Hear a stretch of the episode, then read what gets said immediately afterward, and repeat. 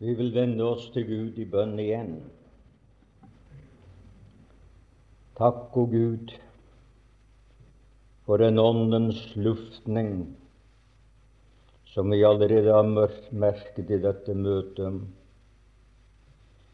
For det trøsterike bibelske sannheter som er kommet frem i sangen for det herlige ord som at du møtte oss med fra din egen bok. Og vi ber at du fortsatte velsigne samverd, slik at vi må kunne få se hvilken underfull frelser vi eier, og hvilken underfull frelse du gav oss i ham. Å Gud, vi tilbeder deg i Jesu Kristus, og vi er samlet her i Hans navn og tror på frelsesverket ved Hans verk for oss og for din regning, o Gud. Takk da for at du vil møte oss i ordet, og vi vil tilbede og prise deg. Amen. Vi talte i går aftes om det som var umulig det gjorde Gud, og belyste det ut fra fire forskjellige synsvinkler. Det vi nå i kveld skal dvele ved, det er der er ingen fordømmelse for dem som er i Kristus Jesus. Og vi leser fra Romerbrevet, åttende kapittel det syvende kapittel, en par vers nå så fra det åttende kapitlet.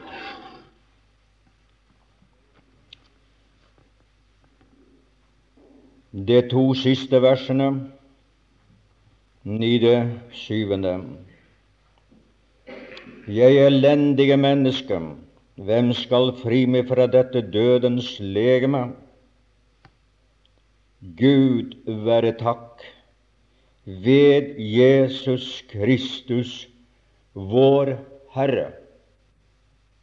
Der er svaret. Der er måten det skulle skje ved dette dødens legeme. Og så kommer nærmere forklaring. Så tar vi og leser det første og det annet vers.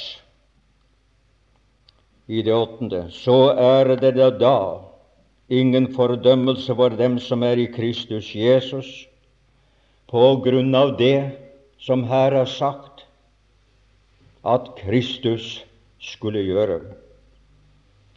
For livets åndslov har i Kristus Jesus frigjort meg fra syndens og dødens lov og det som var umulig for loven, i den var maktesløs ved kjødet, det gjorde Gud i det Han sendte sin sønn i syndig kjøds lignelse, og for syndens skyld,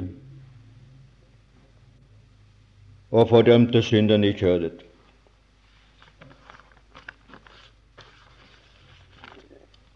Dette å skulle tale om ingen fordømmelse i Kristus Jesus.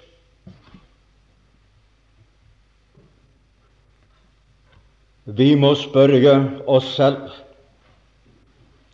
er det moralsk mulig.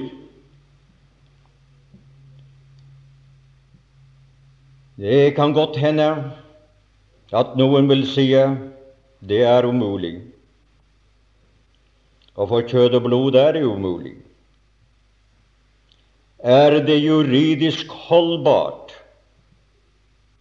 at det er ingen fordømmelse for dem som er i Kristus, Jesus?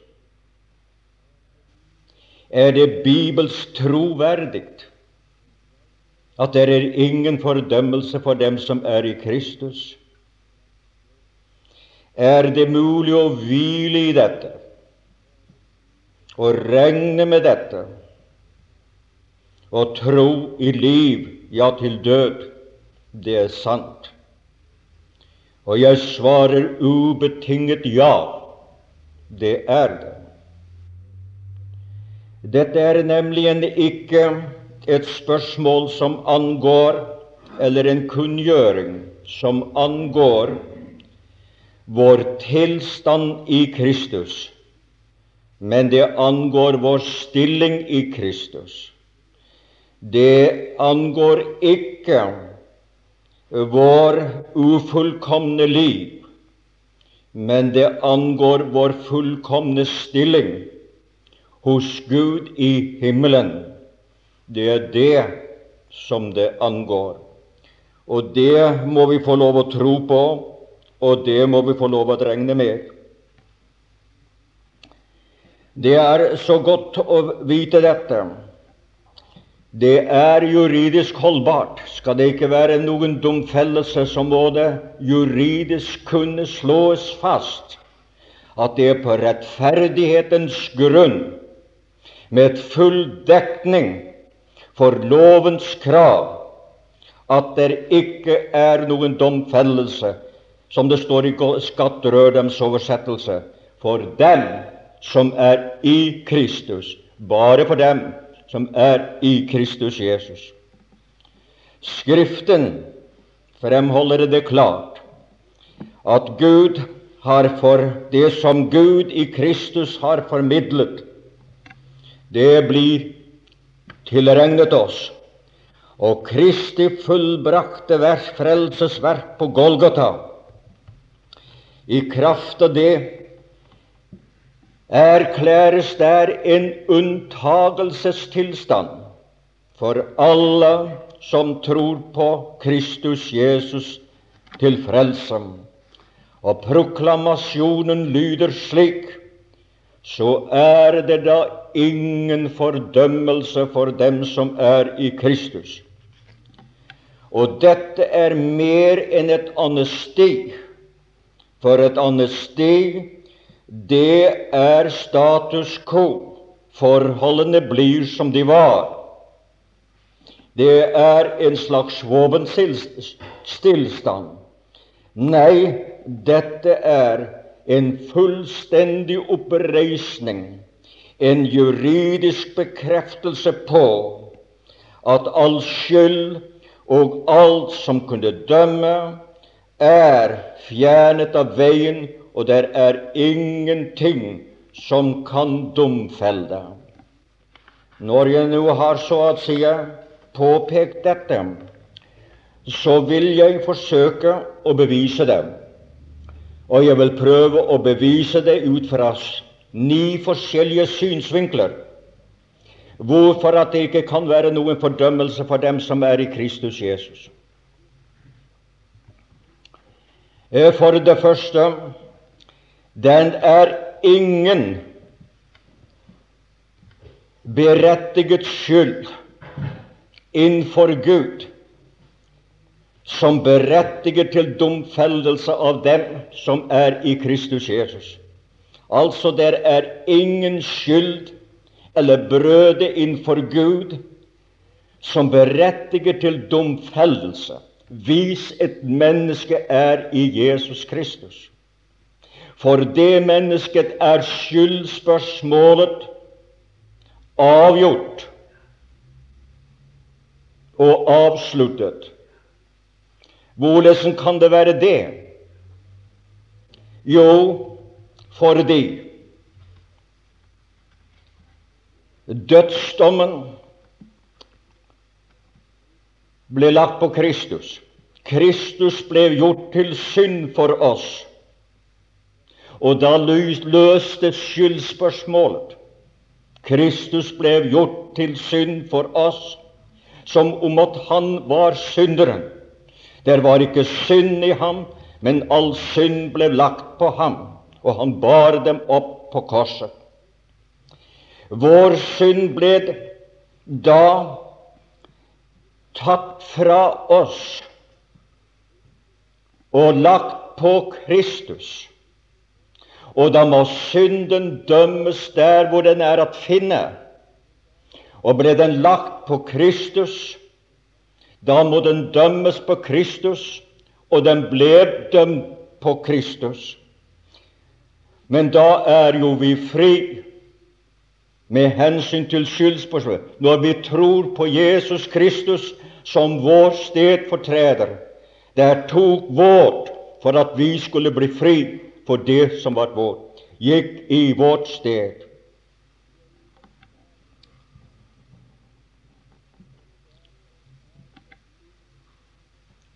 Synden er sonet. Gjelden er betalt. Og derfor er det ingen skyld eller brøde, gjentar jeg, som gjør rett til domfellelse. Og hvilken herlig sannhet for den som tror på Jesus Kristus. Han har frelst oss av nåde uforskyldt. La meg påpeke en annen ting som bevis for at det er ingen Det her var skyldspørsmål. En annen ting som beviser dette, at det er ingen fordømmelse eller domfellelse for dem som er i Kristus.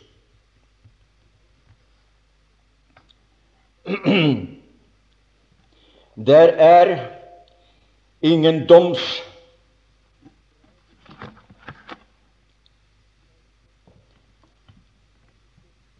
anklage nå fra Gud som kan domfelle dem som er i Kristus Jesus. Der er ingen domsanklagepunkter som nå kan fordømme dem som er i Kristus Jesus. Dommen over synden, det var jo dødsdom. For syndens skjold er døden. Og én døde for alle, og derfor er de alle døde. Og han ble såret for våre overtredelser og knust for våre misgjerninger, og straffen ble lagt på ham for at vi skulle ha fred, og vi har fått legedom ved hans sår. Dommen ramte da han som tok vår plass og du er fri i Kristus som tror på ham. Og Derfor er det ingen fordømmelse for dem som er i Kristus Jesus. Dine synd, eller dine synder, har allerede vært til doms. Det er gått forut. De ble dømt på Kristi kors. Der ble vår synd dømt det er det vi tror, det er det vi aksepterer som sannhet. Det er det som gjør oss fri, at vi tror at det som skjedde på Golgata, var for oss. Du kommer ikke til dommen som synder. Du er fri i Kristus Jesus ved troen på ham. Altså er det da ikke noen anklagepunkter fra Gud som kan bevirke at du kan bli, kan bli dømt eller domfelt. I det at jeg gjentar dette Kristus døde i synders sted, og da er jo den anklagen Da er du så å si gått ut av bildet, ut av virkeligheten. Det som da Gud må se hen til, det er Ham som tok din og min plass. For det tredje der er ingen personer at dømme nå når du er i Kristus. Der er ingen person at dømme nå når du er i Kristus. Du er korsfestet med Kristus. Vi er korsfestet med Kristus, sier Skriften. Og den som er korsfestet med Kristus Kristus ble en forbannelse, for forbannet er hver den som henger på et kors. Og den forbannelsen som rammet oss, som skulle ha rammet oss som synder, den rammet han.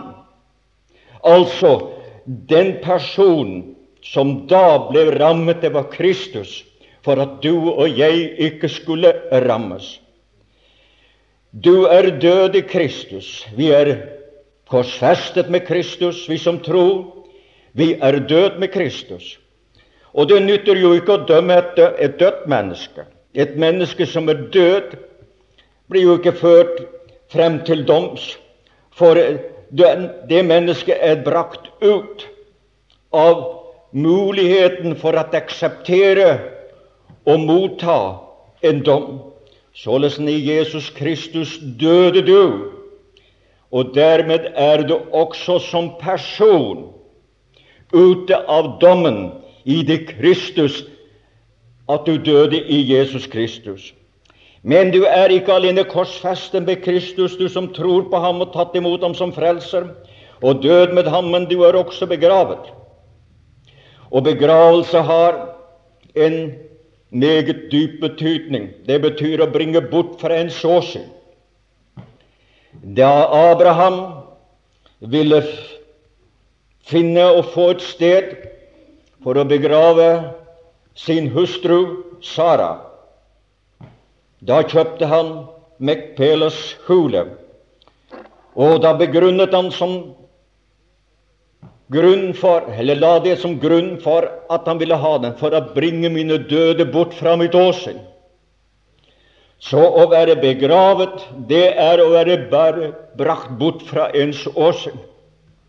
Og det er mennesker som har mottatt Jesus Kristus og regner seg med som både korsfestet med Kristus og død med Kristus og begravet med Kristus, den regner Gud som brakt bort fra hans åsyn som skyldner, er borte, fjernet fra hans åsen, og derfor er personen ute av bildet. For du er begravet med Kristus, og den som ikke eksisterer, kan ikke dømmes. Det er nok riktig nok at vi skal stilles for Kristi domstol. Det er flere domstoler. For Golgata var også en domstol. Der ble synd dømt og gikk forut til doms. Og Kristi domstol er i luften, men det er ikke et frelsesspørsmål. Det er et korrigeringsspørsmål, et justeringsspørsmål, med spørsmål om lønn eller å tape lønn. Og der er den hvite, der er Kristi herlighetstrone, men det er ved begynnelsen av tusenårsriket. Og det er den hvite trones dom efter denne verden er passert, efter tusenårsriket er omme. Således at denne ved Kristi domstol har ikke noe spørsmål med hensyn til eh, syndespørsmålet å gjøre. Og Derfor er personen brakt ut av verden. Der er ingen å dømme, og derfor er det ingen domfellelse for dem som er i Kristus Jesus.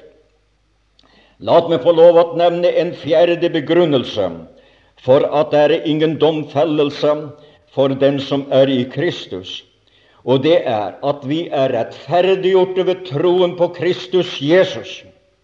Det vil si at den troende på Kristus har fått Guds rettferdighet. Guds rettferdighet ved troen for alle og til alle over alle som tror. Og rettferdiggjørelse betyr å være fullstendig erklæret rett å være, uangripelig å være i kraft av en andens gjerning, i kraft av en andens duelighet og verdighet på alle områder. Og Derfor er det ingen fordømmelse i det at anklagen er fjernet ved rettferdiggjørelse. I omvendelsen står vi Kristus nær i et nytt syndelag. For vi har vendt oss til Gud istedenfor bort fra ham. I rettferdiggjørelsen står vi Kristus nær som venner. Og vi er Guds venn. Hvem vil anklage dem som Gud har utvalgt? I gjenfødelsen står vi Kristus nær i slektskap som brødre. Men i Kristi legeme står vi ham organisk nær. Vi har blitt ett med ham. Men her er det tale om, og i alle disse tilfeller kan det ikke bli spørsmål om domfellelse. Kristus kan ikke dømme sitt eget legeme. Han dømmer, og Gud dømmer ikke det legemet som er Kristi legeme. Det er passert, det er gått over. Vi tukter som Guds barn, men vi domfelles ikke som Guds barn. La meg nevne en femte grunn, og det er ingen anklagere nå der kan bringe så kraftige og feldende beviser at Gud må godta den som anklagepunkt for å dømme dem skyldig som er i Kristus Jesus. For det troende synd er jo sonet, og da er det ikke noen ting, og da kan ikke synden dømmes. Den er jo sont. Du som tror på syndenes forlatelse, og har syndenes forlatelse efter Hans nådes rikdom, eller som det står i den danske oversettelse, så rik som Guds nåde er. Har så stor en syndsforlatelse har du, så rik som Guds nåde er. Og syndens lønn, eller skyld, den er betalt. Så du kan ikke dømmes som skyldner, for skyldbrevet er slettet ut. Gjelden er betalt. Der hviler ikke gjeld på dem jeg mener åndelig talt. Nå taler jeg ikke om din kjøpmannsregning. Det er ikke den jeg taler om, men med ditt forhold til Gud. Der er ikke noen skyld innenfor Gud. Du er fri i Kristus. Den, den som Det som skulle dømmes, det er dømt i Kristus.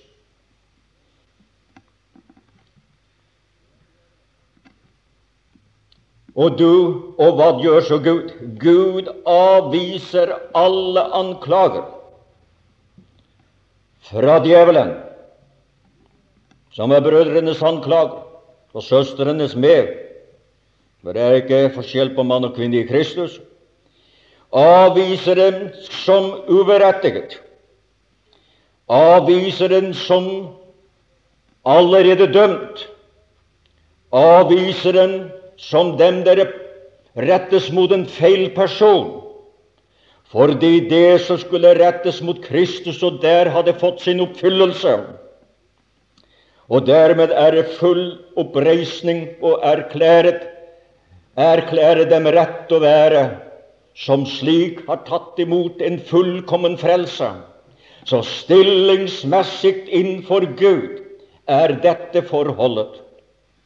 Å, hvilken vidunderlig stor frelse Han har gitt oss. Men en sjette begrunnelse hvorfor at det ikke er noen domferdelse for dem som er i Kristus. Der er ingen guddommelig lov nå til å fordømme dem som er i Kristus Jesus. For vi er ikke under loven, men under nåden. Vi var under loven så lenge som at vi var i den gamle stamfar. Vi er kommet over i en ny stamfar. Og i denne nye stamfar det er å være i Kristus Jesus. Og der er det frifinnelsens lov. Der er Åndens nye vesen. For fordømmelsen kom for lovens tall er på stein til steinhjerter.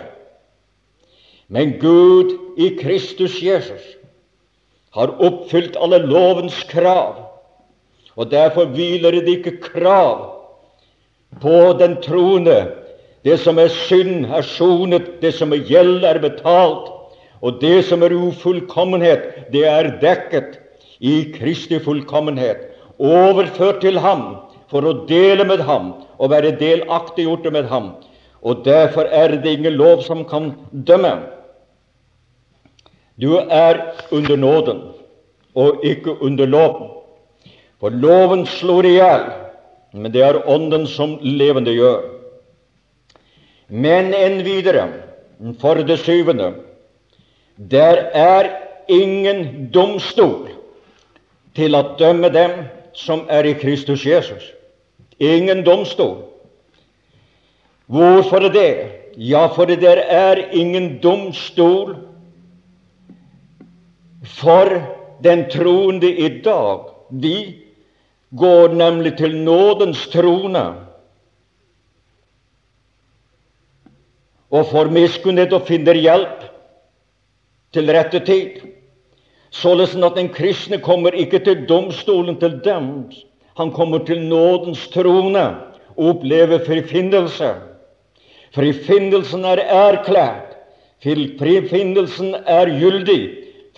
Frifinnelsen er akseptert. Vi skal tro den, vi skal leve på den, vi skal glede oss over den. og vi skal, Men det gir ikke noen rett eller lov til å leve et slurvet og syndig liv. Det være langt fra. Men dette er stillingen i Kristus Jesus som Guds barn.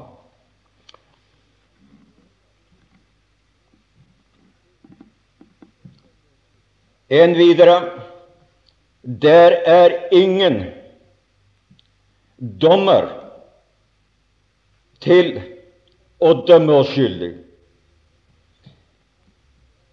Hvorfor er det, da? Fordi at Han som sitter på tronen, at Han som er av verdens dommer, Han som er Gud, så er det ikke noen domfellelse for dem som er i Kristus Jesus, sier Gud. Og han mente hva han sa. Det er ingen domfellelse eller fordømmelse for dem for, som er i Kristus Jesus. Da er jo dommeren borte, i den forstand vi møter ham ikke som dommer. Men hvordan møter vi det ham?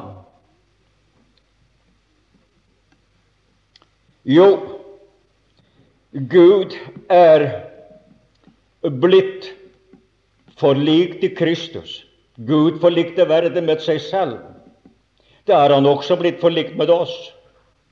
Og man dømmer man ikke det man er enig med, og det man er forlikt med. Det er det man er uenig med, som blitt dømt. Og en videre Gud er blitt rettferdiggjort. Hans krav er blitt rettferdiggjort og oppfylt. Alle lovens krav er oppfylt. Han kom for å oppfylle lovens krav. Og da har han ikke noen ting å dømme. Da er han ikke lenger dommer i den forstand. Blodet har renset bort all synd. Og vi er døde, og vi er begravet, og vi er oppreist, og så fort videre. Det må vi ha lov til å leve i. Det må vi ha lov til å tro på. Det må vi ha lov til å glede oss over.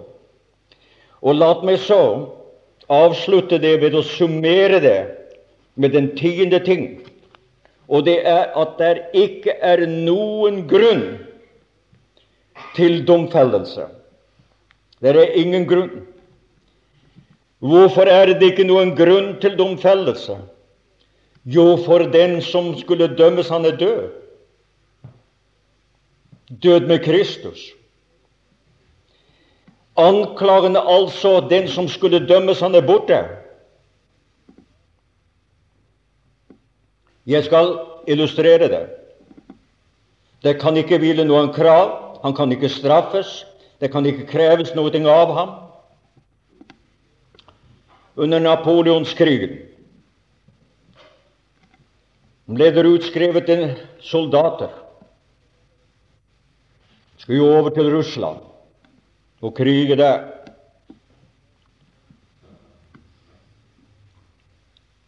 Så var det en mann. Han hadde kone og barn. En ung mann. Og han var så kjed og skulle forlate sine kjære. Han skrev til sin venn, en venn som bodde på et annet sted som ikke var kjent på det traktene,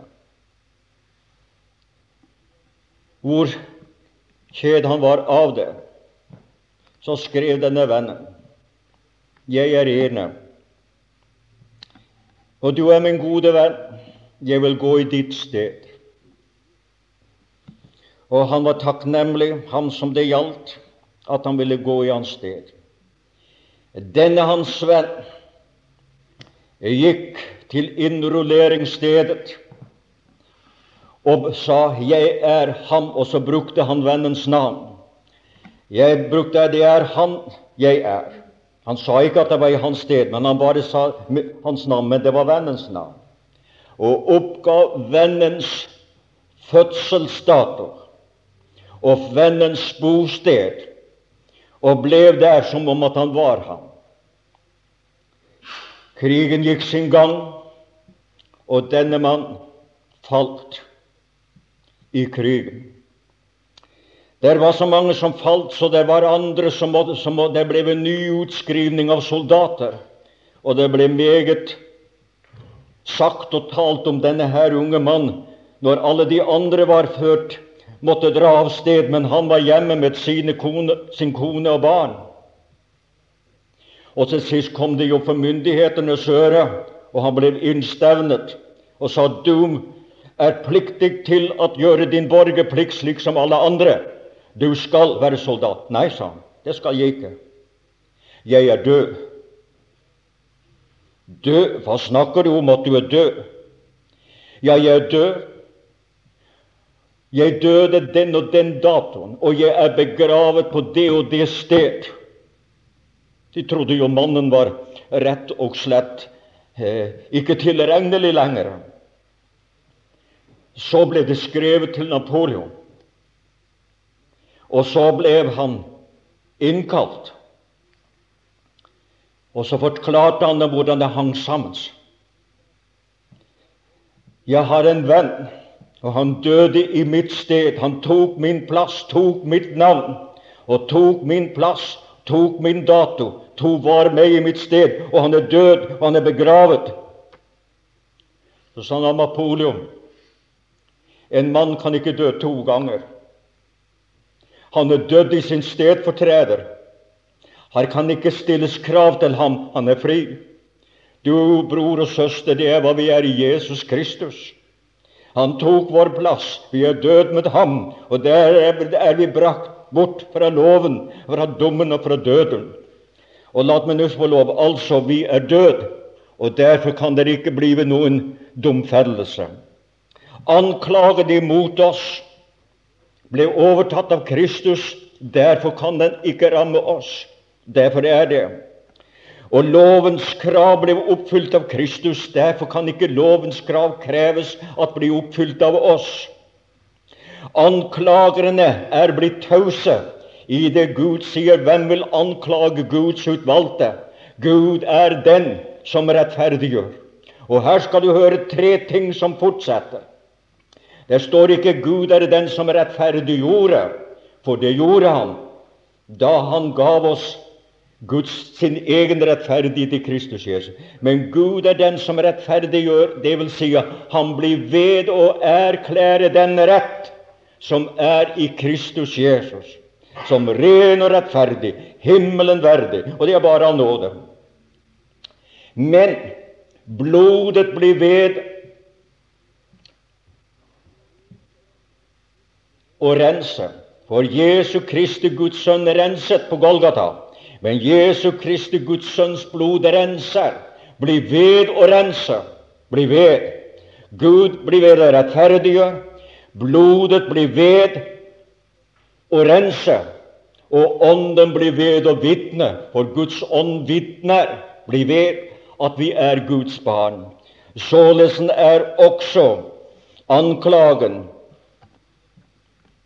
og dommen over det hele, over ditt gamle liv, det er fjernet til Kristus. Nå har jeg så begrunnet dette. Hvorfor er det ingen domfellelse i Kristus Jesus? Det er stillingen. Men er stillingen så god, så god, så vil Herren dette, at kjærligheten til Ham og takknemligheten til Ham skal få lov å bevirke dette at også vår stilling må være god. Vår, til, vår tilstand må være god.